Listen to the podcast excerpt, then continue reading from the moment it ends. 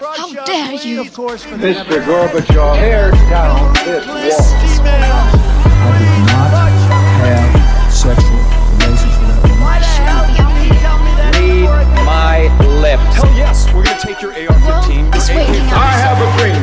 Thank you. Ja, vi har jo snakka i statsvitenskap og sånt om, eh, om Follobanen. Vi gjorde det i eh, forrige episode, faktisk. Ehm, og på en måte litt hvor, eh, hvor eh, katastrofalt nærmest det prosjektet har vært etter at det ble åpna og så stengt, og så er det jo fortsatt ikke åpent eh, ennå.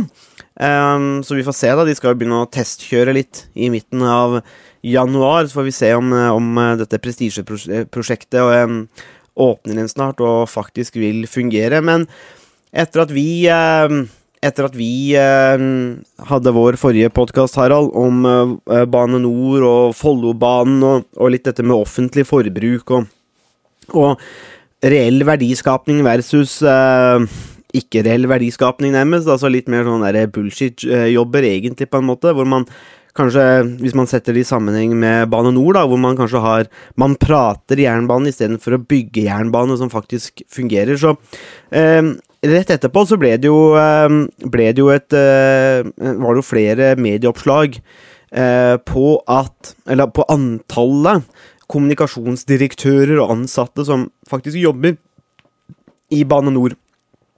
Eh, og det er jo også mellom 40 og 50 et sted. Um, som jobber med kommunikasjon og det å prate om, um, om jernbane. Og, og det var jo flere som pekte på det at eh, kanskje man istedenfor å ha masse folk som prater om jernbane, så kanskje man skulle fokusert mer på kompetansen og det å faktisk bygge jernbane, da, slik at man eh, slipper dette problemet. Og det var jo Når man ser da at de har eh, kommunikasjonsarbeidere som og flere enn f.eks. First House, altså en slags konsulentselskap, eh, så er jo det relativt eh, drøyt. Og i, i 2022 òg, så, så eh, stilte jo Aftenposten en rekke spørsmål til, til Bane Nor om eh, eh, Som ja, gikk på eh, Gikk på ukultur da, i Bane Nor.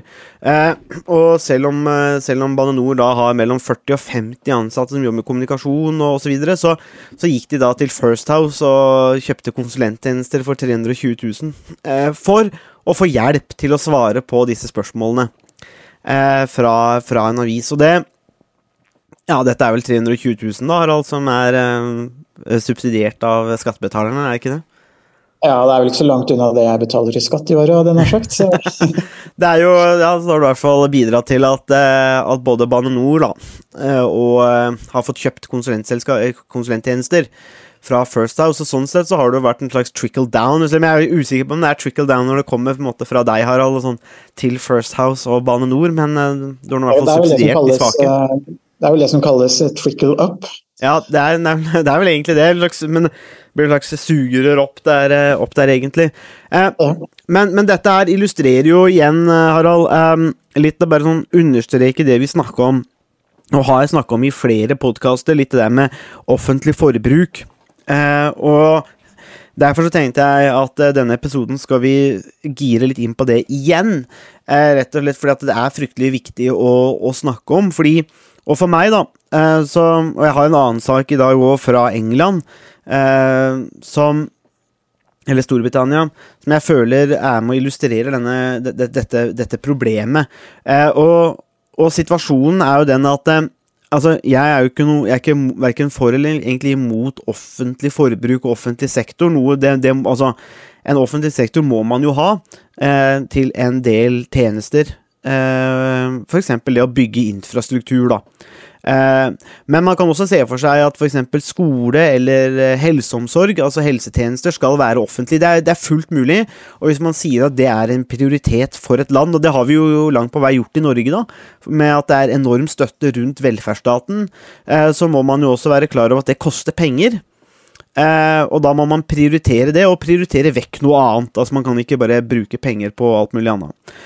Så det er jo en, en åpenbar prioritering her. Men det som jeg føler dette med Bane Nor er et eksempel på, og vi ser det i mange andre sammenhenger òg, så ser man eh, en, at trenden er mer på en måte prating og ikke reell verdiskapning og mye administrative jobber, altså kanskje knytta til dette med rapporteringsplikt og rapporteringsveldig som vi har snakka om, og såkalt måloppnåelse.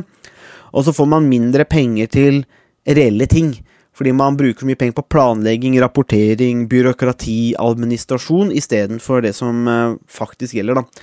Eh, og dette fremstår for meg som et, eh, som et stort problem. At, at man at man havner i en sånn mellomsituasjon, da, hvor man, altså man gjør verken full privatisering eller full offentlig, men det man ender opp med, er disse mellomløsningene som uansett bare koster masse penger, og som ikke skaper noe. Um, og dette, dette, her inspirerte til en ny refleksjon da jeg så på Twitter et intervju på BBC med, med Rishi Sunak, altså statsministeren i, Eng i, England, eller i Storbritannia, eller da Rashid Sanook, som uh, Joe Biden kalte den. Uh, bare fulgte liksom trenden fra, fra Trump, uh, med herlige uttalelser av navn. Men det er jo streiker i NHS, altså det nasjonale helsevesenet. Um, og der er det sånn at sykepleiere eh, jobber ofte på rundt 18 000 pund i året. Det er jo ikke fryktelig mye penger. Eh, vi, vi, kan vel sikkert noen røffligere gange det opp med er det 10? Mellom 10 og 12, avhengig av kurs. Så det er ca. 220 000 eh, kroner. Ja, 220 000. Det er, ikke, det er ikke fryktelig godt betalt, og de jobber lange vakter. Og særlig under sånn som vi har sett da, under pandemien, så har det også gått hardt løs på helsa til mange av, av, de som jobber i sektoren. Og det er streiker, og dette er jo blitt, blitt da veldig kritisert. Og, men svaret fra statsministeren var jo da at, eh, at eh, det, var ikke, det var ikke nødvendigvis at eh, de ansatte trenger At de trenger flere folk, eller, trenger, de trenger å, eller at de må bli betalt bedre for jobben de gjør. Det de trenger, er bare å, å føle at de, gjør, at de er, har en viktig jobb. Eh, så man trenger ikke kompensasjon i form av lønn, men man, trenger, man, får, man, må bare få en kompensasjon i form av å føle seg viktig. Og når jeg så det, så tenkte jeg liksom sånn Er ikke det også et eksempel på en politiker og et politisk system hvor man ikke prioriterer og tar konkrete valg, men bare snakker om eh, hvordan ting burde være. Så istedenfor å på en måte si ok, vi prioriterer NHS, dette er pengene vi setter det her, vi ser problemene, dette må vi ta hånd om, så er det mer sånn Nei, men, eh, men, eh, vi må bare snakke om at vi må få mer eh, At vi føler oss viktige, at vi gjør disse tingene der. Så istedenfor å ta håndfaste grep og ta tak i politikk den ene eller andre veien, så blir det bare sånn prate om eh, om disse politiske tingene, eller prate om helsevesenet, prate om verdi, prate om, om hvordan man føler seg på jobb. Så jeg lurer litt på, Harald, om det er ikke bare norsk offentlig sektor som rammes av denne, denne sjukdommen om å bare prate om ting istedenfor å gjøre ting. Jeg syns kanskje vi ser trenden av det i England òg, da. Ja, uten tvil. Um, det som um, Sånn som jeg ser det, så um, er det mange politikere både i, Norge, Storbritannia og mange andre land de istedenfor å iverksette uh, reelle tiltak, så velger de eh, liksom-tiltak. Eh, de ønsker f.eks. å kanskje istedenfor å øke lønningene til sykepleierne, så setter de i gang kampanjer for at eh, de skal eh, Ulike vervekampanjer eller ulike reklamekampanjer for å få flere til å studere eh, sykepleie eller tilsvarende. Mm. Det samme ser man innenfor lærerutdanninga i, i Norge. Istedenfor å eh, gjøre endringer enten med lærerutdanning, selve lærerutdanningen eller med læreryrket, så velger man eh, å forsøke å gjøre Sette i gang med ulike kampanjer, informasjonskampanjer og reklamekampanjer for å få flere studenter til å, til å velge å bli lærere. Mm. Uh, så Istedenfor å gjøre noe med selve substansen, så velger man å gjøre noe med det som er som foregår eh, rundt det, måte, noe av det som omgir eh, f.eks. en profesjon som sykepleie eller, mm. eller andre ting. Og det som, det, det som, er problemet med den tilnærmingen, er at uh, man slipper å bli målt på uh, selve uh, resultatene i, innenfor helsevesenet eller innenfor lærerutdanninga f.eks. Man slipper eh, å, å, bli målt direkte på det som er selve det som skaper eh, verdiene. Eh, altså antall behandlinger, eh, ventelister, eh, det akademiske nivået på lærerne, på elevene osv. Så, videre. Eh, så istedenfor så kan man si at man har satt i gang ulike eh, informasjonskampanjer, reklamekampanjer og, og, og tilsvarende. Den type tiltak krever jo nettopp store eh, staber med eh, kommunikasjons- og informasjonsarbeidere for å Mm. planlegge og gjennomføre og, osv. Eh, og det gjør at man, eh, man bare fjerner seg eh, enda tydeligere fra det som er kjerne, kjernevirksomheten. Sånn som Norge fungerte, en måte, hvis man skal eh, si det litt flåste, i gamle dager, eh, så, så hadde jo ikke eh, helsevesenet eller eh, utdanningssektoren store eh, staber eh, med kommunikasjons- og informasjonsansvarlig. Eh, Man hadde en administrasjon, men det var ofte knytta til økonomi, regnskap og en en del av det altså vakt, vaktmester og en del av de eh, oppgavene som, eh, som var helt nødvendig for å holde eh, et sykehus eller en skole eh, i gang. Eh, Men istedenfor har man fått en, eh, en dramatisk vekst i en del av de stillingene, og en del av de funksjonene eh, som på mange måter er på siden eh, av Mm. både det som er nødvendig administrativt, men også nødvendig for å drive selve virksomheten. Eh, og der er jo Bane NOR eh, det eksempelet i Norge som har fått mest- oppmerksomhet de, eh, de siste ukene, rett og slett fordi at de ikke klarer eh, å gjøre det de, eh, det de skal. Og det er jo noe man har sett Mm. eh, når det gjelder jernbanesektoren over lang, eh, lang tid i Norge. Og man ser det i eh, utdanningssektoren også, hvordan man eh, har problemer med å rekruttere eh, lærerstudenter. Eh, og hvordan eh, mange lærere opplever eh, at lærerrollen eh, går over til å bli mer administrasjon og rapportering. og. At også utdanningssektoren har eh, store eh, staber med kommunikasjonsansvarlig. Og NHS, National Health Service i eh, Storbritannia, er jo et, et engelsk eksempel på det samme. Så det man ser, er jo at det her er et fenomen som, som sprer seg internasjonalt, og som, som har litt ulike former, kanskje, i ulike land og ulike sektorer, men som, som essensielt sett eh, er det samme problemet Mm. eh, overalt i offentlig sektor Mm. eh, på ulike måter. Og det gjør jo at offentlig sektor blir eh, dyrere, og at man eh, må enten eh, øke skattene eller finne andre inntekter eh, for å dekke de utgiftene man da mm, må dekke i, i offentlig sektor. Så det gjør at offentlig sektor på mange måter blir dyrere uten at man får noe mer igjen eh, for pengene. Hadde man betalt mer skatt og fått et enda bedre helsevesen eller utdanningssystem, så ville antagelig Eh, Det ville antagelig vært en viss eh, støtte for det, og det ville vært et Man ville i hvert fall fått noe igjen for pengene. Men det mange kanskje opplever i dag, er at skatter og avgifter er relativt høye, samtidig som at effekten og det man får igjen eh, på en del områder, som f.eks. jernbanesektoren, eh, ikke står i forhold til det man eh, betaler eh, i skatt. Og det, er, det i seg selv er jo problematisk, men det er jo også eh, problematisk for hvordan offentlig sektor eh, fungerer, og at man undergraver noe av den, eh, den tilliten som skal være mellom eh, borgerne og offentlig sektor, og også det at man kan være trygg på at oppgavene løses på en tilfredsstillende måte, noe det, Mm. det ikke gjøres i eh, i jernbanesektoren. Jeg tenker jo at det, det, er, jo, det er jo greit at um, jeg, altså jeg, jeg skjønner jo at det å ha noen som kan for, på en måte ta hånd om kommunikasjon, kan være nyttig hvis man har en Når man gjør en jobb, og så får man eh, mange henvendelser fra aviser eller medier eller andre typer ting, så kan, man, kan det fort hende at jobben bare går med til det. Eh, slik at det, er jo kanskje det som også er litt av logikken her. At da, da, det eneste man gjør da, er jo bare å svare, hen, svare opp hen, henvendelser. Og det, det jo, kan jo være et problem.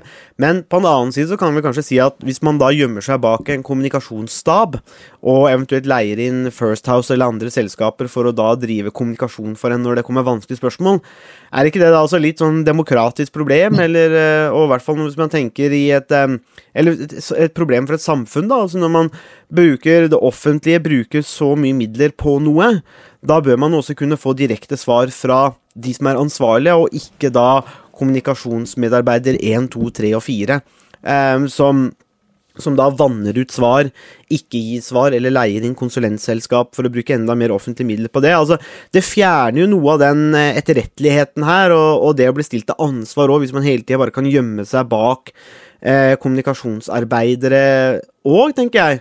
Slik at det er en balansegang her. Um, og det, jeg, jeg vil jo tenke at det har jo en verdi at man faktisk får tak i de som er ansvarlige for ting, eh, og det som skjer. Og, men det samme og det her ser vi jo på tvers av mange av mange ulike sektorer, da. Altså, det er jo for eksempel sånn som i politiet også, var det ofte sånn, i hvert fall før, at da fikk man jo Aviser og andre kunne jo komme i direkte kontakt med, med, med lensmenn. Eh, eller de som eh, jobba på saker, f.eks., og få svar. Og det er jo egentlig en veldig grei måte for mange å få konkrete svar på. Da får man det med en gang. Mens nå så må du gjennom alle mulige Eh, mulige kommunikasjonsarbeidere eller sjefer og godkjennes. Eller så kan det bli problem i etterkant fordi at ikke det var eh, gitt tillatelse til å snakke om de tingene der. at Det blir jo en sånn unødvendig byråkratisering, og transaksjonskostnadene øker jo veldig i samfunnet vårt når det blir på denne måten. Og det, det jeg, Ja, jeg skjønner jo hvorfor man vil ha kommunikasjonsarbeidere og, og, og, og, gjøre det på den måten. Samtidig så tenker jeg at det fjerner en del av det, det å bli stilt til ansvar for ting, og etterretteligheten her òg, da. Ja, for her er det i hvert fall to ting som To trender som har vært viktige. Det ene er jo at samfunnet til en viss grad har blitt mer medialisert. Og hvor, man, hvor det er flere medier, og hvor mediene Eh, er, eh, altså publiserer saker eh, om det samme tema flere ganger om, om dagen. Og samtidig så skal det offentlige være de, de, skal, de, de skal, komme med informasjon om ulike saker, om det gjelder Bane Nor og jernbanesektoren, eller om det gjelder etterforskning av saker i politiet osv. Så sånn som Tidligere så var det kanskje en eh, Når det var en avis, eh, en lokalavis f.eks., som da hadde en daglig utgivelse, eh, så vi fikk kanskje lensmann bare én henvendelse fra én journalist om én sak, mm. og kunne svare på det. Situasjonen i dag er kanskje annerledes, hvor enkelte saker vil vil ha veldig stor medieinteresse, og det vil være mange journalister som, eh, som tar kontakt. Så I en sånn situasjon så er det selvfølgelig vanskelig for en, eh, en etterforsker å kunne håndtere eh, det, de, de mediehenvendelsene. Men samtidig så er det også et viktig poeng at den som er saksbehandler, etterforsker, lege eller jobber eh, eller ingeniør i Bane Nor, også skal stå til rette, på en måte ansvarliggjøres for de beslutningene som, eh, som de tar. Og det er også noe man må kunne forvente av den type fagpersoner. Mm. Som ofte har en, en lang utdannelse, og som ofte har høye lønninger, og som som i utgangspunktet har svært ansvarlige, eh, ansvarsfulle jobber, og som også har, eh, vil man tenke, eh, lang erfaring i å håndtere og kunne forsvare de beslutningene som tas. Så Sånn sett så burde det burde ikke være noe problem at saksbehandlere eller ingeniører eller leger eller politimenn også i større grad til, skulle stå til rette og bli ansvarliggjort for en del av de eh, eh, beslutningene som, som tas. Så leder man en avdeling i Bane NOR, så, så burde det også være eh, i større grad kanskje den personen eh, som, eh, som, leder den avdelingen, som også svarer på spørsmål, direkte spørsmål fra, fra mediene. Mm. Ja, det er jo en, ja, det er jo en, det er jo en um det er jo en vanskelig balansegang her.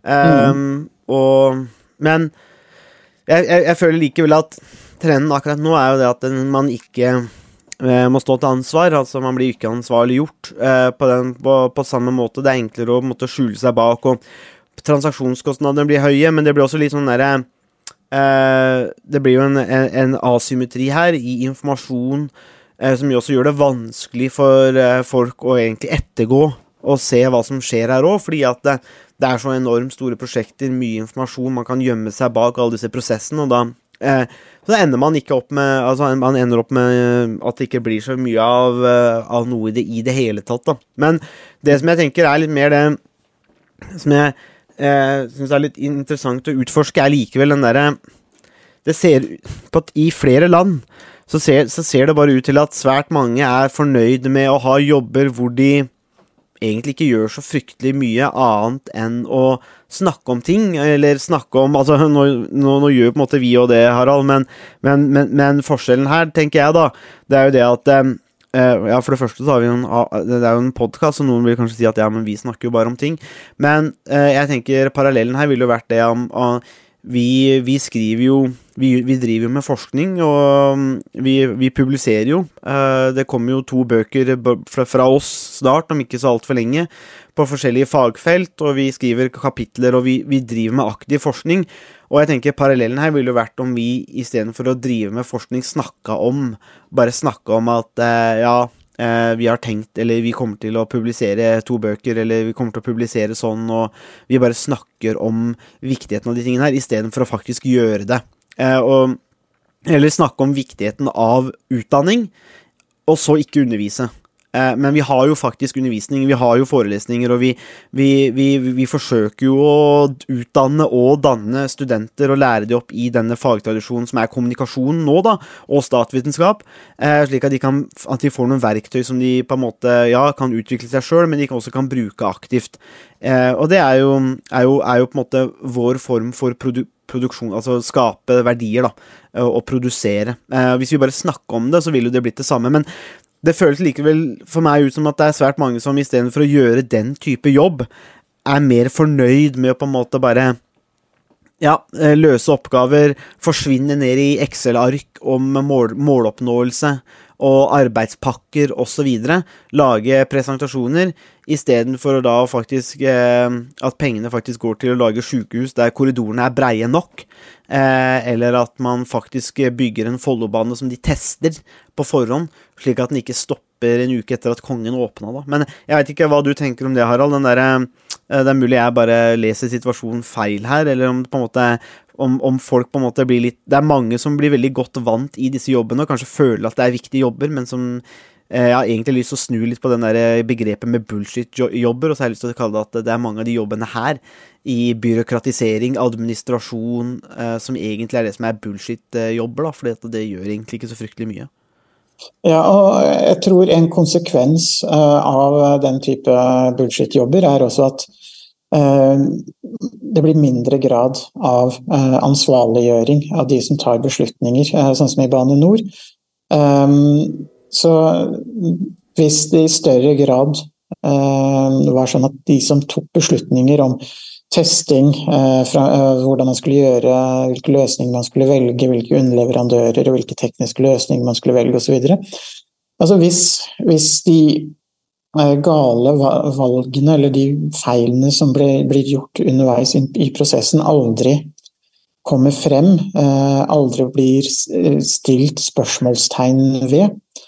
Eh, og man aldri blir ansvarliggjort fordi det er et, et system som pulveriserer ansvaret. Og hvor kommunikasjonsavdelingen er som et slags skjold mellom Bane NOR og resten av verden. Eh, så, så, forsvinner også noen av de insentivene man har til virkelig å, å ta, være sikker på at man tar de rette beslutningene, at man velger de rette underleverandørene, tekniske løsningene osv. Men hvis det aldri får noen konsekvenser, og hvis man aldri blir stilt til ansvar for eh, de beslutningene man tar, så innebærer det også at eh, sjansen da kanskje er større for at eh, man ender opp med litt enkle løsninger, eller at man eh, man ikke undersøker så nøye og grundig som det man ellers eh, ville gjort. Så problemet er, altså det, det, det, ene problemet er de bullshit-jobbene i seg selv. Det er problematisk nok i seg selv at Bane NOR har en eh, kommunikasjonsavdeling på størrelse med, med First House. Eh, et annet problem er at eh, kommunikasjonsavdelingen egentlig gjør at man pulveriserer ansvaret og eh, tåkelegger eh, situasjonen. Mm. Eh, og at man ikke ansvarliggjør de beslutningene som har blitt, eh, blitt tatt underveis. Mm. Og det er jo så Bane NOR eh, kaster kanskje bort en 40-50 millioner på å ha en 40-50 ansatte i en kommunikasjonsavdeling. Eh, mens de store, og det er jo alvorlig nok i seg selv, men de, mens de store pengene kanskje forsvinner ved at man tar eh, feil valg når det gjelder eh, tekniske løsninger. Og der forsvinner kanskje hundre, hundrevis av millioner eller Mm. milliarder av kroner. Og Follobanen har jo kosta 36,8 milliarder. Mm. Og den er vel snart bare brukbar til eh, som en slags eh, skitunnel, eh, hvis eh, Ja, eventuelt dressiner, da. Hva sa du? Eventuelt. Dressiner, sånne Ja, dresiner eh, er jo Ja, det er jo bra for folkehelsa også. Så Det kan jo hende at det er det som er tenkt, at det er et slags folkehelsetiltak. At eh, pendlerne bare må hive seg på dresiner når de skal til og fra jobb, og så får vi på en måte Så det var egentlig ganske smart, men det er jo Og det er klart at hvis man eh, løfter inn folkehelseperspektivet, så er det jo ikke sikkert at 36 milliarder er så mye penger i, eh, faktisk. Nei, da er det tjent inn på et par år, antagelig. Antageligvis. Så det, det er rett og slett dresintunnel de har bygd der. Så det, det er bare at vi har ikke forstått det helt eh, ennå. Men eh, nei, men det er Jeg, jeg, jeg, syns det um, det er, det er godt poeng der, og som du og, og hvis vi trekker det videre om med denne jernbanereformen, så er jo også det en måte å pulverisere ansvaret på, egentlig, og også har gjort Og det har, har jo flere også pekt på, at eh, det ville kanskje vært lettere i kommunikasjonen mellom Vy og Bane NOR og direktorat, f.eks., hvis de var samla under én. Eh, mens her så har man jo da også da gjort på en måte veien mellom de mye lengre enn kanskje det det hadde trengt å være, da.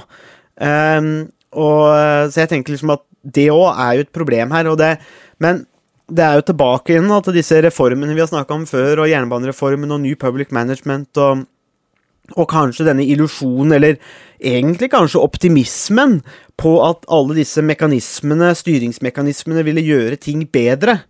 Eh, men, men, men det kan vel hende at når det Ja, innenfor en del sektorer så kan det stemme. Men det ser kanskje ikke ut til å fungere sånn som det gjør nå, da, i jernbanen. Eh, fordi at eh, resultatet ser ut til å bli mer av prat og mindre på en måte bygging, da. Eh, og er, jeg, jeg tror ikke det var det man så for seg egentlig, men det er på en måte Ja, insentivene har Insentivene er på en måte å, å rapportere. Og det går, på, det går på rapportering og måloppn såkalt måloppnåelse og holde seg innenfor budsjettet, mens insentivet burde egentlig være å, å bruke 36 milliarder på en måte som gjør at den jækla banen faktisk fungerer sånn som den skal når du åpner den. Eh, det burde vært insentivet, da. Så, Absolutt. Eh, så det sier noe om hvordan fokuset eh, over tid, eh, kanskje gradvis, eh, slags sånn skritt for skritt eh, eh, endring eh, av fokuset har skapt, eh, over tid skapt veldig store problemer. Det som isolert sett kan se ut som eh, fornuftige eh, reformer, eh, har skapt et eh, jernbanemonster eh, som bor inni et eh, fjell eh, under Oslo som vi ikke klarer å, å løse eller gjøre noe med i det hele tatt.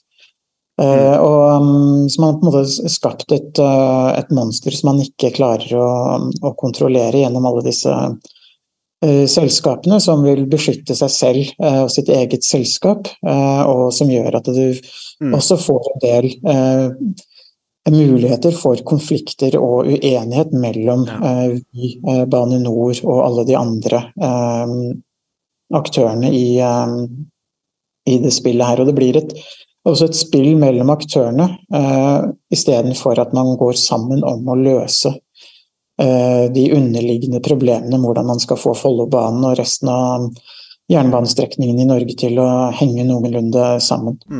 Nei, det er um, men, men ja, nei, vi, vi, ser det jo. eh, i, i mange andre sektorer også, vår, vår egen, eh, hvor vi eh, Hvor man ender opp med, med egentlig mer ledelse og styring og topptungt enn det man egentlig skulle. og det er, så det, det, er, det, er, på en måte ikke Det er jo ikke bare jernbanen, men det er jo, det er jo i flere sektorer òg. Det her er eh, Så jeg tenker er, er, er, er særdeles problematisk. Også fordi, når man da vender tilbake til det som er utgangspunktet, er igjen diskusjon sant, om hva er det man vil ha som offentlige tjenester, og hvilke ressurser bruker man på det. Hva er det man prioriterer, eh, eller ikke prioriterer. Eh, og da da kan det jo se ut som at man, i hvert fall i den, i denne situasjonen her, da, med jernbanen, så mener man at det er, tydeligvis er viktig, men, men, men, så ender man opp i denne mellomsituasjonen. Um, og så har man jo forsøkt å implementere noen grep for offentlig styring, da, uh, og administrasjon. og det det rent statsvitenskapelige Harald, så er det jo interessant å gjennomføre studier på det her, for man kan jo sammenligne dette med opp mot uh, teori, uh, fra hvor man, tenker at dette blir gjennomført, mens nå begynner man jo å få en del år tross alt med empiri. da, altså Det er ikke så lenge siden jernbanereformen egentlig, men man må jo vente noen år før det får satt seg. Men, men uh, dette kan jo være mat for noen uh, forskning, forskerprosjekter eller forskningsprosjekter. og Se litt på hvordan er det det her har blitt implementert, og hva er på en måte nettoresultatet av disse reformene. da. Ja, eh, og jeg tror det kan bli veldig spennende forskning. Eh, og resultatene vil, eh, vil antagelig kunne mm, få stor betydning for hvordan man eh, kanskje vil organisere offentlig sektor i, i framtiden også. Og mm, man bør absolutt lære en del av de, de feilene som, som, har blitt begått, og finne mer effektive måter å organisere offentlig sektor på i, i framtiden. Eh, og man må i hvert fall eh, være sikker på at man klarer å skape eh, en offentlig sektor som kan løse oppgavene som de er satt til. Og det er jo der det mm, skorter for Bane NOR og også mange andre. Man må kunne løse hovedoppgavene, og hvis man ikke kan det, så så, så, er et, så, er man i en ganske alvorlig situasjon som, hvor man absolutt må, må, gjøre noe. Takk for at du hørte på Statsvitenskap og sånt. Har du spørsmål, kommentarer eller tilbakemelding, så er det bare å ta kontakt på vår Facebook-side, per e-post eller brevdue. Musikken er som vanlig laget av Robin Horvath, og Mats Halvorsen mikser og redigerer podkasten. Vi høres!